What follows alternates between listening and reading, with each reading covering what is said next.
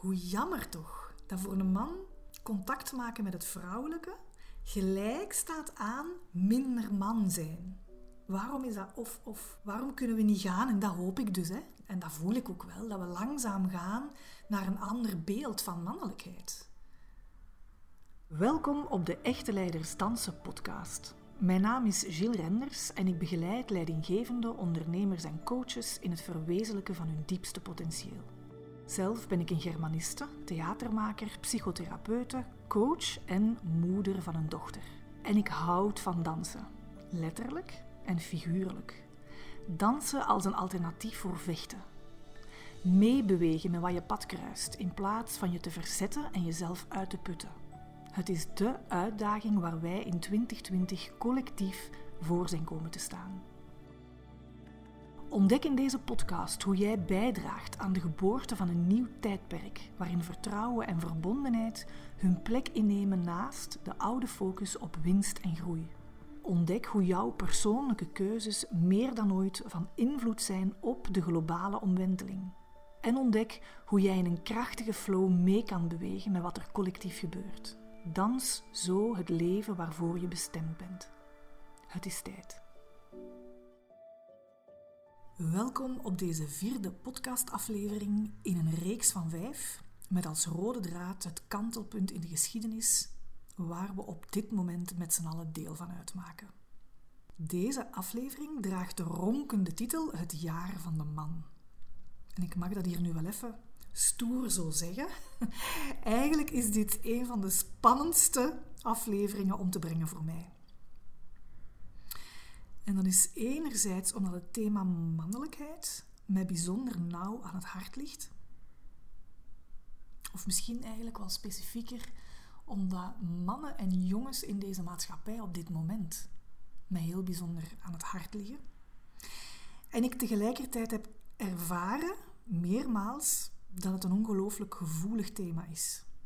En al helemaal omdat ik er als vrouw over wil spreken. Maar kijk, dit verhaal wil blijkbaar verteld worden. Dus ik vat moed en ik vertrouw dat mijn woorden zullen landen zoals ze hebben te landen. Met alle waardering of afkeer of opmerkingen of vragen die daar mogelijk bij horen.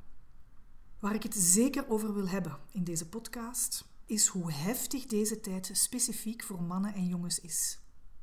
Ik wil het ook hebben over waarom mannen een veel moeizamere weg afleggen in deze samenleving waar communicatie en verbinding aan belang winnen. Ontdek ook hoe snel we ons verliezen in oververhitte debatten als het gaat over mannelijke en vrouwelijke kwaliteiten en valkuilen. En ervaar vooral hoe ongelooflijk jammer dat is. Ontdek tenslotte hoe we collectief het wij-zij-denken kunnen overstijgen en een start kunnen maken met authentieke, wezenlijke, krachtige en voedende verbinding tussen mannen en vrouwen. Gelukkig ben ik vandaag ook weer niet alleen, Sophia. Jij zit hier weer bij mij voor de vierde keer op rij om mij te interviewen. En vandaag, Sophia, waart je idealiter een man. Dat zou onze genderbalans ten goede komen. Mm. Dus van harte welkom. Dankjewel. Hmm. Ik wil daar even aan toevoegen ja? dat ik thuis leef met vier mannen. Ik heb een man en drie jongens. Dus uh, ik denk dat wij wat dat betreft goed zitten. Dat is waar, dat is waar. Eigenlijk heel fijn, ja. Benieuwd hoe dat jij deze aflevering gaat ervaren. Ja. We starten, zoals elke keer, met een kort fragment dat ons meteen naar het hart van het thema voert. En vandaag is dat een gedicht dat mij een paar maanden geleden via social media, zoals dat soms gaat, in één week vanuit verschillende hoeken werd toegestuurd. En dat raakte mij wel, dat gedicht. Het is geschreven door een hedendaagse Nederlandse vrouw genaamd Ellen den Hollander, die ik verder helemaal niet ken. En ik heb het voor de gelegenheid ook lichtjes ingekort, want het was wel heel erg lang. En uh, wat er overblijft, klinkt als volgt. Met mannen moet je zacht zijn. Zachter dan met vrouwen. Zachter dan je ooit voor mogelijk hebt gehouden. Zachter dan ze ooit toe zullen geven, want hun kwetsbaarheid ligt opgevouwen. Zwaar bewaakt achter gewapend glas. Niet mogen huilen, niet bang mogen zijn. Met mannen moet je zacht zijn, want hoe harder ze schreeuwen, hoe jonger ze waren. Hoe harder ze duwen, hoe zachter ze nodig hebben. Ze hebben alleen geen idee. Dus doe het zachtjes. Zo zachtjes als je op kan brengen. Maar laat die mantel der liefde thuis, net als die hand boven het hoofd. Zeg het zoals het is, als je durft. En als het nodig is, vertrek. Even zacht als je kwam. Zo lang als nodig is. Doe het zachtjes als je kan. Juist met een man. Ik vind het een gek contrast. Zachtjes en mannen. Hmm, ja. Of is dat mijn conditionering die nu aan het praten is? Vanzelfsprekend, Sophia. ik word daar juist heel erg door geraakt. Precies door dat contrast. Het is een bijna tastbare fysieke tegenstelling tussen het woord man en zachtjes. En dat is precies waar heel deze aflevering over gaat. Hè. Mannen mogen niet zacht zijn. Ja. Ja. En dat doet mij eigenlijk enorm veel verdriet. Jongens mogen niet zacht zijn. Alles wat ruikt naar emotie is meisjesachtig. Ik heb zelf een dochter van zes. Ik voed die heel bewust zo gendergebalanceerd op als mogelijk. En het is nu al verschrikkelijk hoe dat ook in haar zit. Dat meisjes dit en dit en dit wel mogen en jongens dat en dat niet. En ze is zo garm zes, eerste studiejaar. Ja. Hoe dat, dat in alle filmpjes die ze kijkt doorschemert. Hoe dat, dat in alle speelgoed dat ze aanraakt, in al haar kleren. Het was gisteren pyjamadag en ik had daar zo'n hele toffe pyjama aangetrokken. Ehm, en ze keek in de spiegel en zei: Mama, ik ben juist nu jongen. Omdat ze zo'n broek en dingen aan had. En ze wou per se haar slaapkleedje aantrekken. En dan ook die zin, Sophia, om nog even terug naar het gedicht te gaan. Hoe harder ze schreeuwen, hoe jonger ze waren. denk ik, oh. Hm. Ja, hoe jonger ze waren. Hè. Voor mij is het dan hoe jonger de leeftijd waarop ze al niet meer die emotie mochten tonen. Ja. Ik heb onlangs uh, nog een artikel gelezen en daar stond in, om ook maar meteen de vrouwen erbij te halen, Vanaf de leeftijd van drie jaar raken wij moeders onze jongens structureel minder aan dan onze meisjes. Totaal onbewust. Mijn hart breekt als ik dat lees. En ik vind dat belangrijk om te zeggen, want dat maakt mijn hart zo zacht voor de mannen van vandaag. Dat helpt mij als ik kijk naar de jongens.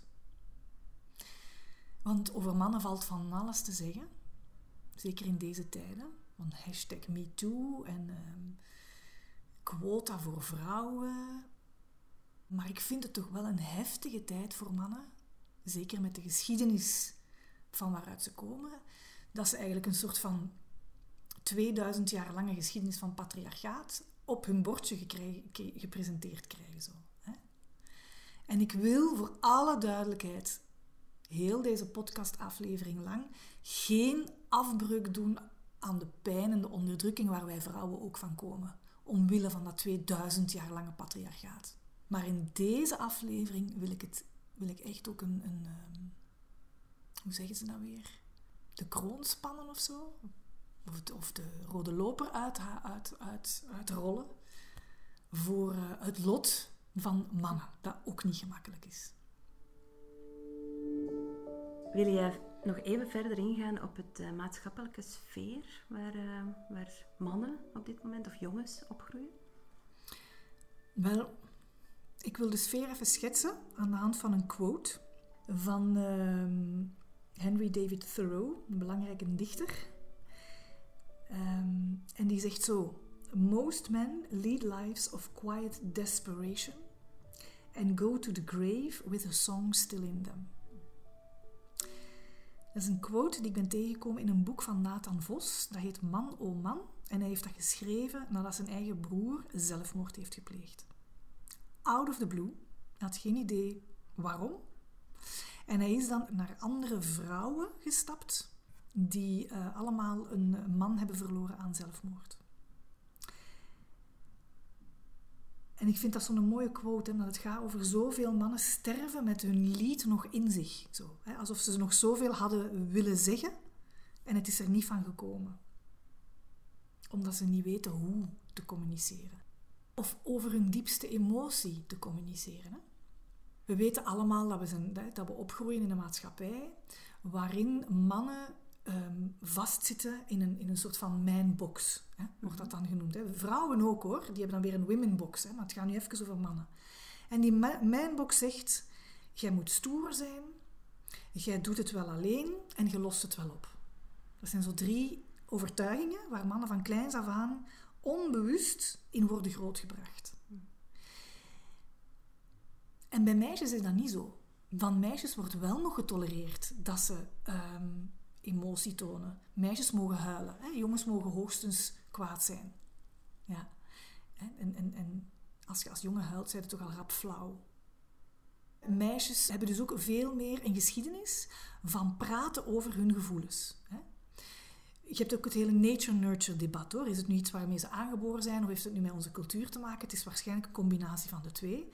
Ook van nature zijn vrouwen veel meer gericht op het benoemen van emoties, het praten over dynamieken, het praten wat is er met u aan de hand, hoe gaat het. Dat, dat maakt dat wij een, een, een veel grotere geschiedenis hebben van praten over emoties, maar dus ook over het reflecteren over onszelf. Jongens hebben die geschiedenis niet. Mannen kunnen goed communiceren, hè? maar niet over wat er aan de binnenkant gebeurt. Mannen gaan dingen doen samen en gaan daarover communiceren, over de sport, over de politiek, over andere vrouwen en ondertussen gaan ze fietsen. Meisjes gaan op café of gaan, gaan, gaan iets drinken, gaan een koffie of een cappuccino drinken en tetter, tetter, tetter, tetter. Zo. En dat is wel belangrijk in het licht van de nieuwe waarden die in onze maatschappij komen. Veel meer en meer gaan wij naar een communicatiemaatschappij in plaats van een productiemaatschappij of een dienstenmaatschappij. En een dienstenmaatschappij verlangt meer communicatie. Dus dat talige, dat verbalen wordt belangrijker en belangrijker. Mannen voelen dat ook en vrouwen hebben daar echt een streepje voor. En om nu een link te maken naar een aantal harde cijfers. Ik wil niet te scherp of te direct zijn, maar er is wel een verband tussen niet bij die feminine kwaliteiten in uzelf mogen komen als man en het feit dat op dit moment de zelfmoordcijfers voor mannen in België, in Vlaanderen, 2,5 keer groter zijn dan voor vrouwen. En in de Verenigde Staten zelfs 3,5 keer. Ja. Dat is toch straf? Dat is veel.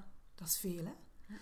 En er is een link met dat jongens op dit moment het veel minder goed doen op school dan meisjes. Hm. Veel meer de gevangenissen vol zitten met mannen. Psychische, fysieke problemen, hè, autisme, ADHD, meer voorkomen bij jongens dan bij meisjes. Werkloze mannen minder kans hebben op een relatie en zo verder. Dus het gaat niet goed met de man. Ik moet nu denken aan een boek van Jens van Tricht. Waarom feminisme ook goed is voor mannen. Een fantastisch boek, echt waar. Jens van Tricht is een Nederlander. Supervlot geschreven, aan iedereen aan te raden. En hij, heeft op een, hij is een man en hij praat ook vanuit zijn eigen ervaring. En hij heeft op een bepaalde manier over geweld. Hè. En hij zegt, het klopt dat de meeste plegers van geweld mannen zijn. Het klopt dat als vrouwen slachtoffers zijn van geweld, dat dat in 9 op de 10 gevallen, dat de dader een man is. Dat klopt. Maar wat we niet zo bij stilstaan, is dat veruit de meeste slachtoffers van geweld mannen zijn. dus als vrouw slachtoffer is, is het meestal een man. Maar nog veel meer uh, slachtoffer van geweld zijn mannen in plaats van vrouwen. Dus wat ik daar interessant aan vind toen ik dat las, is één, dat onze vrouwelijke blik gekleurd is. Dus dat wij heel veel bezig zijn over, oh, die mannen, hè, die plegen maar geweld en, en, dat kan toch niet en dat moeten we stoppen. Maar dat we dus minder bezig zijn met, ja, maar er is ook heel veel geweld bij mannen onderling. En natuurlijk, ten tweede, nog altijd zijn veruit de meeste mannen geen pleger van geweld. Dus voelen hoe dat onze blik zo verschuift naar de man is de dader en we vergeten dat hij eigenlijk nog meer slachtoffer is. En ik zie ook een link, om nu terug te komen bij uw vraag, tussen dat plegen van geweld en dat niet bij uw emotie mogen komen. En ik wil dan eigenlijk die emotie verbreden naar vrouwelijke kwaliteiten in het algemeen. Ja, omdat er zo'n taboe is op vrouwelijke kwaliteiten in mannen. Hoe we dat ook draaien of keren. Hè. 2000 jaar patriarchaat. Het feminine is onderdrukt. We gaan terug naar het yin-yang symbool. Feminien en masculin in een neutrale, meest neutrale, objectieve betekenis van het woord. Hè. De maatschappij afgelopen duizend jaar hè, uh, uh, vormgegeven door mannen. Dus logischerwijs zijn de onbewuste normen en waarden op dit moment mannelijk georiënteerd. Alles dat gericht is naar buiten, um, doelgericht, de reden, het begrijpen, het weten, het controleren. De donkere kant van het yin-yang-symbool, uh, het feminine, is onderdrukt geweest en daar wordt op neergekeken. Heel lang, hè? dat is nu aan het veranderen. Maar heel lang werd er neergekeken op intuïtie, op creativiteit, op het niet weten. Je moet het weten. Wist jij, Sophia, dat hysterie, dat dat eigenlijk het Griekse woord is voor baarmoeder? Hm. Om maar te zeggen. Hè? Wat, een, hm. wat, een, wat een oordeel dat er ligt op ja, het, het feminine, emotionele, intuïtieve, donkere en zo verder. En dus omwille, omwille van dat taboe op het feminine, um, is het feminine in vrouwen onderontwikkeld aan het geraken. Maar nog veel erger is het feminine in mannen totaal afgesloten. En dat lijkt me helemaal geen fijne plek om te zijn. Dat lijkt me een hele enge, angstige, bijna gewelddadige plek. Een eenzame plek om te zijn. En wij vrouwen hebben dan tenminste nog een beetje onze natuurlijke band met dat feminine, omdat we vrouwen zijn. Is de ingang net iets makkelijker. Maar ook wij vrouwen hebben het niet gemakkelijk. Want door dat overbenadrukken van die mannelijke norm, zijn wij om onze plek op te eisen in de maatschappij, in het maatschappelijke leven, sinds de jaren 60, toen wij op de arbeidsmarkt verschenen, zijn wij ook onze feminine eigenschappen moeten gaan onderdrukken. Dus ook wij zitten heel vaak in onze mannelijke kwaliteiten. En ook voor vrouwen is dat eigenlijk heel triestig en jammer. Ja. Maar voor mannen dus nog meer. Omdat die weg, die kloof nog veel dieper is en die weg veel langer. Zie je dit thema ook heel erg terugkomen in je praktijk als je mannen coacht? Wat ik sowieso merk in coachings, hè, sowieso bij mannen en vrouwen, als ze bij mij in de praktijk komen, zitten ze vaak in een doorgeschoten uh, mannelijke um, manier van omgaan met de dingen. Hè. Zeker als het leidinggevende zijn. Je wordt voorlopig toch nog altijd maar leidinggevende door je manneke te staan. Helaas. Als ik dan vrouwen coach om naar dat yin-stuk te gaan, dan blijkt dat heel vaak in een paar sessies wel te doen. Alsof het gaat over een, een, knop die ze opnieuw moeten leren ontdekken. Zo. En dan herkennen ze van, ah ja, natuurlijk. Dit is mijn intuïtie. En inderdaad, in die meeting, weet je, eigenlijk wist ik al um, wat de beslissing moest zijn. Maar ik heb me dan getraind om allerlei rationele argumenten te bedenken om mijn visie erdoor te krijgen. Zo, hè? Maar eigenlijk, vrouwen hebben toch nog altijd dat contact met... Ik weet gewoon dat het, dat het zo is. Zo. Als ik dan naar mannen kijk, dan gaat het vaak over een knop waarvan ze niet eens wisten dat die bestond. Mhm. ja. Bij wijze van spreken. Zo van, oh, is daar een knop? Oei, die is precies mhm. nog nooit aangeraakt geweest. En geen idee hebben van intuïtie, ehm, emotie, daarover praten. Hoe begin ik daarmee? Ze hebben daar echt geen cultuur in, mannen onderling. Ja, dus laat staan als je dat wilt gaan integreren in je manier van leiding geven. Ik herinner me nog dat ik over, over deze podcast uh, aan het praten was met mijn eigen man. En dus dat ik het ook had over hè, intuïtie en ratio en zo verder. En ik was het dus een beetje aan het uitleggen zoals ik nu aan het doen ben. En mijn man zei, mijn eigen man zei, en dat is een redelijke feminine man, die zei... Dus jij gelooft dat mannen intuïtie hebben? Zei hij tegen mij. En ik zei, maar natuurlijk. Natuurlijk hebben mannen intuïtie, evenveel dan vrouwen. En hij was daar oprecht door ontroerd. Hij kreeg tranen in zijn ogen. En ik dacht, wat gebeurt er nu? En hij zei, ja, dat is, dat is zo... Ja, dat raakt mij als je dat zegt. Want voor ons mannen is intuïtie en gevoelsleven toch iets wat bij iemand anders hoort. Ofwel bij vrouwen, ofwel bij een shamaan of zo. Of bij, of bij een of andere therapeut of coach die het dan... Die, die zal dat misschien nog wel kunnen in een man. Maar ik... Dat was nog niet in hem opgekomen. Terwijl ik een hele intuïtieve man heb. Dus zelfs heel intuïtieve mannen zijn zich vaak niet bewust van hoe dat ze dat potentieel kunnen inzetten. In hun manier van leiding geven, maar ook in um, een manier van beslissingen nemen en koers varen in hun bedrijf. En wat brengt het voor een man om dat wel in te zetten? Dat ze veel meer levensvreugde gaan ervaren. Dat de valkuil van mannen toch is om maar door te gaan en door te gaan en eigenlijk nimmer te voelen. En tegelijkertijd missen mannen natuurlijk ook een heel potentieel. En dat heeft te maken met verdieping in uw leven. Met verdieping ook in uw relaties. Dat komt nu in me op. Relaties met uw medewerkers, maar ook de relatie met uw vrouw, de relatie met uw kinderen. Dat die toch echt op een veel uh, voedender, gezonder, um, vreugdevoller niveau komt.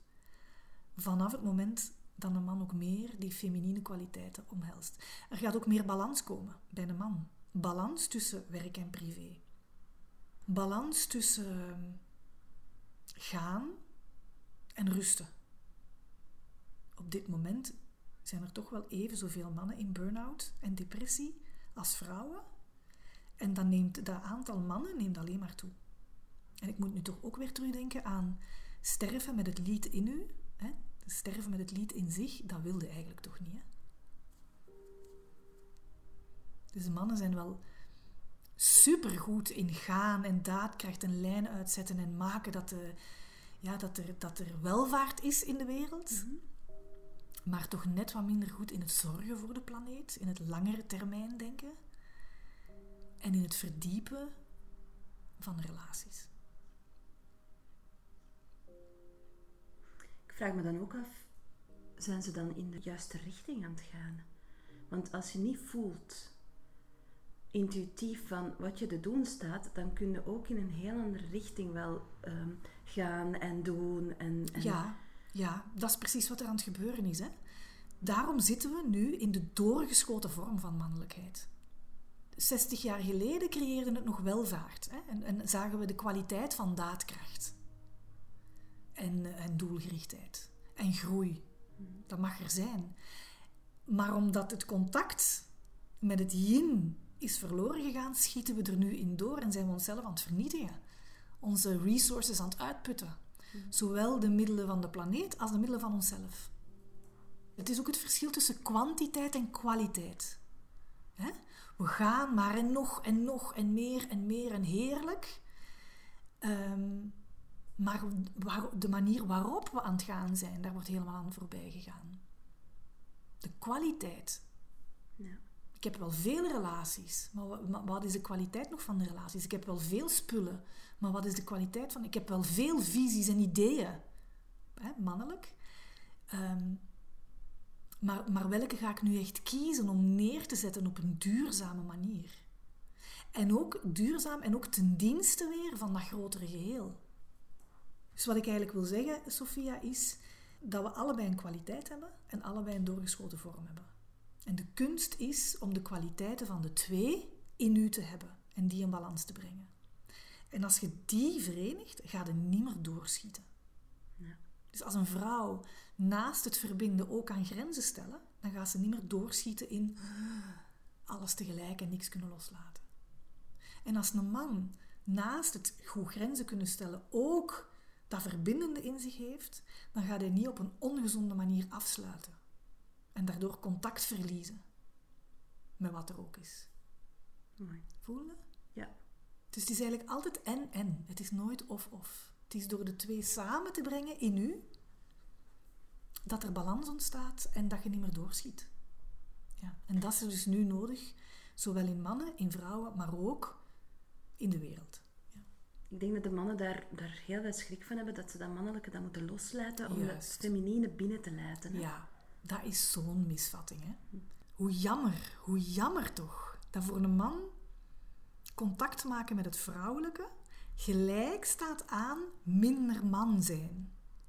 Dat is precies wat ik bedoel. Waarom is dat of-of? Waarom, waarom kunnen we niet gaan? En dat hoop ik dus. Hè? En dat voel ik ook wel. Dat we langzaam gaan naar een ander, ander beeld van mannelijkheid. En dat je even goed man zijt als je ook contact kunt maken met je emoties en als je durft praten over je emoties, als je durft zeggen, ehm, ik weet het niet. Heel belangrijk voor de leiders van vandaag. Hè? Durven zeggen, ik weet het niet. Ik ben ook benieuwd naar uw mening. Ik heb meer tijd nodig. Hè? Dat durven vertragen. Was, waarom? Waarom toch dat beeld dat je dan minder mannelijk bent? Doet mij ook denken aan iets wat de, de bekende Esther Perel zegt. Hè? Relatiepsycholoog Esther Perel uit ehm, Amerika. Um, heel interessante podcasts ook. Zij spreekt over de fragiele identiteit van de man. Vind ik ook wel heel interessant. Zij, in een of ander ehm, tv-programma hoorde ik haar op een bepaald moment zeggen: het verschil tussen mannen en vrouwen op dit moment, in deze archetypische visie van de man, is dat je een man wordt. Je wordt een man. Je moet dus blijkbaar die status verdienen door van alles te gaan doen. In Afrikaanse culturen moeten de mannen door een heel ritueel rond 12 jaar om dan vervolgens een man te, worden. Je hoeft geen vrouw te worden. Een vrouw, dat bent je. Dus um, dat maakt de identiteit van een man veel fragieler dan van een vrouw. Het is alsof, alsof we als, als vrouw het, het, ehm, het wezen van onze identiteit voor een stuk in ons dragen. Namelijk door het feit dat wij kinderen kunnen baren dat geeft wel een soort innerlijke, inherente, intrinsieke zin aan uw leven. Waarmee ik helemaal niet wil bedoelen dat we, hè, dat, dat de zin is van het leven. Hè. Maar wel, omdat wij biologisch kinderen kunnen baren, moeten wij onze identiteit niet meer in vraag stellen. Ook daarom vind ik het spannend, de spannende tijden voor mannen nu. Want waar, waar het beeld van de mannen opgehangen was, namelijk ik bescherm, of ik voorzie het gezin van, um, ik bescherm mijn gezin, ik voorzie het gezin van inkomsten en zo verder. Al die, die zijn aan het verdwijnen, want dat kunnen vrouwen ook allemaal. Het is alsof vrouwen van alles hebben gewonnen en mannen hebben eigenlijk alleen maar verloren. Wat schiet er dan nog van hen over? Waarvoor dien ik nu eigenlijk nog? Dus dat staat in deze tijd allemaal op de helling. Het is ook alsof mannen zich helemaal opnieuw moeten heruitvinden van... En nu moet ik ook nog gelijk een vrouw worden of wat? Ja. Dat is hun weerstand voor het feminisme. Hè? Ja, het is het product van een cultuur waarin ze zijn opgegroeid. En het wordt op de spits gedreven nu, omdat al die vrouwen meer en meer ruimte innemen en omdat vrouwelijke kwaliteiten belangrijker worden op alle lagen van de samenleving.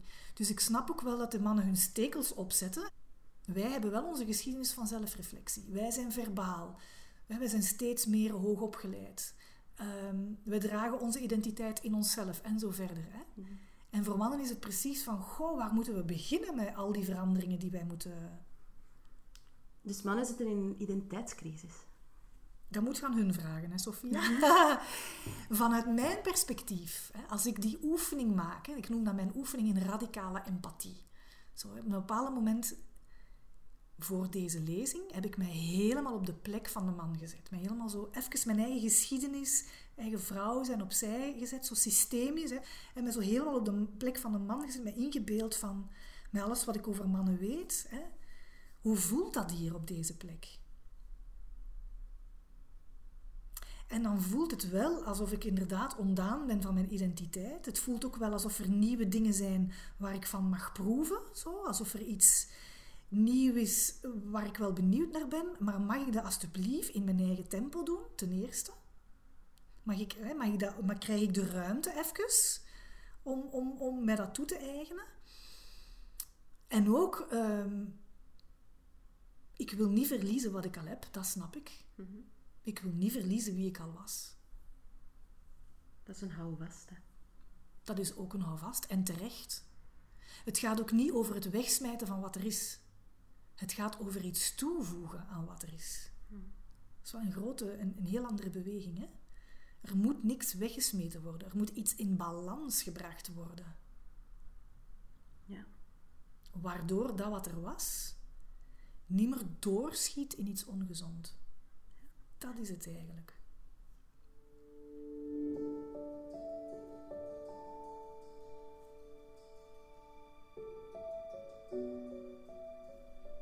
Ik ben dus de moeder van drie zonen. Ja. Hoe kan ik daarmee beginnen al in mijn opvoeding? Sowieso door je bewust te worden dat wij een bias hebben. Dus dat wij bevooroordeeld zijn. Dat wij, door je bewust te worden van hoe we onbewust anders naar jongens en meisjes kijken. En vanuit, van, vanaf het moment dat je daar bewust van wordt en dat ook erkent in jezelf, kun je nieuwe keuzes gaan maken. Kun je andere dingen en toevoegen. Ook van het moment dat je daar bewust van wordt, word je ook nieuwsgierig en kun je ook zo jezelf en je, en je patronen in vraag gaan stellen.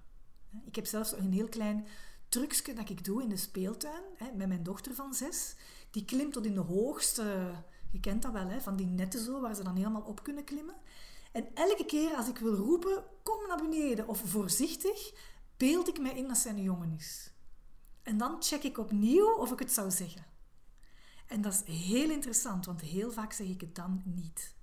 Dus dat, dat, is, dat is het eerste waar ik aan denk. Bewust worden, nieuwsgierig zijn, ehm, het accepteren dat je, het, dat je vooringenomen bent en van daaruit nieuwe keuzes maken. En daarnaast even toevoegen, jongens mogen jongens zijn en meisjes mogen meisjes zijn. Hè? Je moet niet jongens poppen door de strot duwen als ze geen zin hebben om met een pop te spelen, weet je? Zwaar, hè? Ja, ja. Want er is ook wel fundamenteel een verschil. Dat is er ook.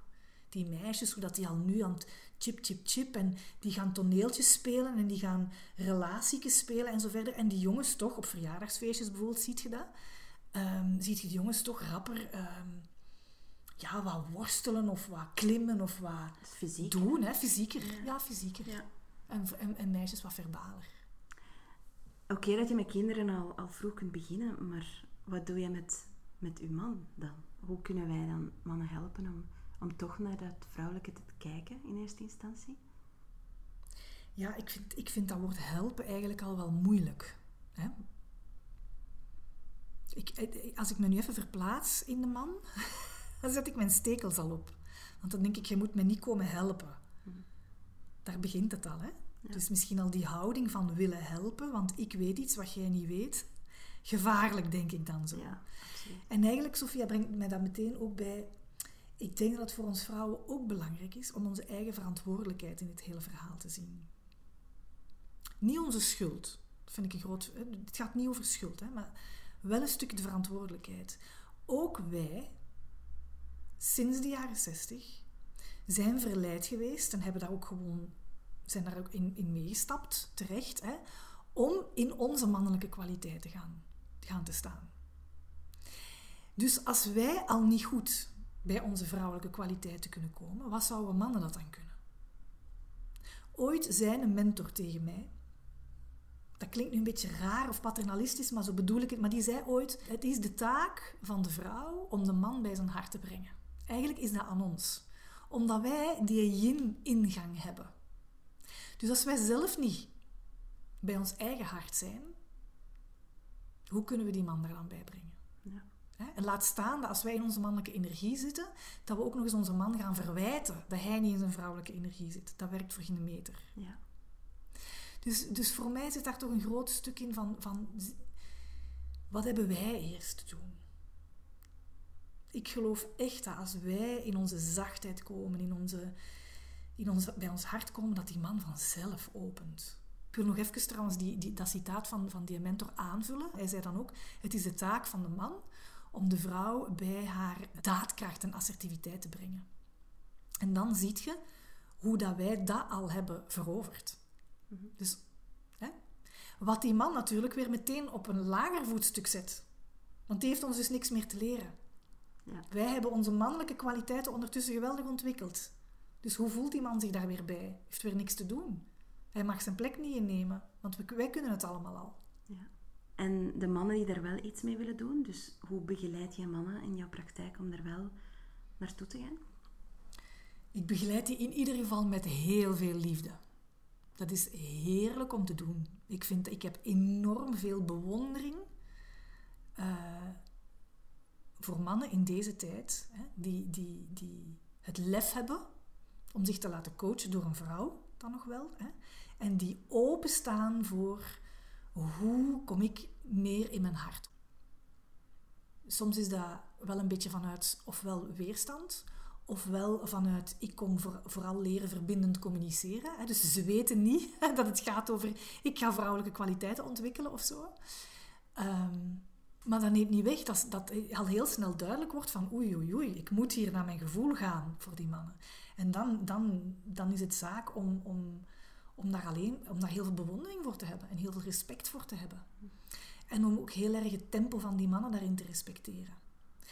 En ook heel belangrijk om ook te blijven aansluiten op hun mannelijke kwaliteiten. Zeker in eerste instantie, als er een nieuwe leidinggevende, een man, een CEO in mijn, in mijn praktijk komt, dan zal ik in eerste instantie ook daadkracht tonen en snelheid tonen. En tjak, tjak, tjak, dit zijn de leerdoelen. Zo dus dat aansluiten op waardoor mannen zich veilig gaan voelen, is ook een belangrijke. Ja. Dus dat je ook die taal kunt meespreken zo. Om dan langzaamaan toestemming te vragen. Daarom niet letterlijk, hè, impliciet toestemming te vragen om te zakken, naar het lijf te gaan en heel erg het tempo van de man in kwestie te respecteren. Dat doe ik, ehm, dat doe ik heel graag. En dat is ook fantastisch om te zien, als dat werkt, dat dat ook een uitwisseling wordt. Dat dat echt um, wederzijds inspirerend is. Zo. En dat ik eigenlijk van die mannen evenveel leer als zij van mij. Ik ben onlangs ehm, op LinkedIn een prachtige citaat tegengekomen van Esther Evers. Dat is een, uh, een spreekster en een schrijfster. En zij postte dit. En eigenlijk vat dat voor mij helemaal samen waar het hier ook over gaat. Het hele en overstijgen van man en vrouw gaat niet over schuld. Het gaat over eigenaarschap nemen voor de dynamiek die we samen hebben gecreëerd over herkennen en erkennen dat we elkaar al veel te lang wederzijds tot stereotypen hebben gereduceerd. En over de wens om daar samen bovenuit te groeien. Dat vind ik zo mooi gezegd. De wens, als er nu een wederzijdse wens is om daar samen bovenuit te groeien, dan zijn we vertrokken. Ja, mooi. En dan, en dan geloof ik echt dat de relaties, de verbinding tussen het mannelijke en het vrouwelijke in onszelf hechter wordt, maar ook dat de manier van verbinden tussen mannen en vrouwen veel gezonder, voedender, rijker wordt. En dat dat geweldig ten dienste zal staan van het grotere geheel dat op dit moment in nood is. De planeet in nood.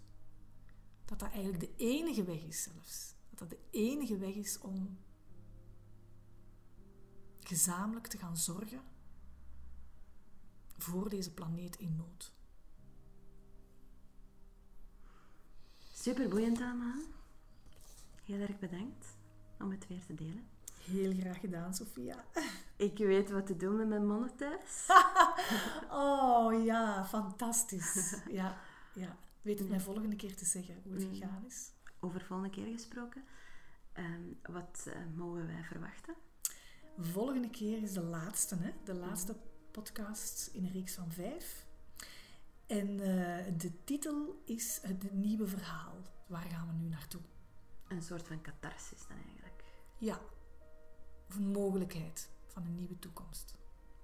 Oké, super, dankjewel. Ik kijk er naar uit. Tot volgende week. Tot volgende week. Dankjewel voor jouw aandacht en nieuwsgierigheid. Heeft deze aflevering je geraakt en kijk je uit naar de volgende? Kies dan voor abonneren of volgen in je podcast-app. Wil je reageren of me verder leren kennen? Surf naar mijn website www.echteleidersdansen.be.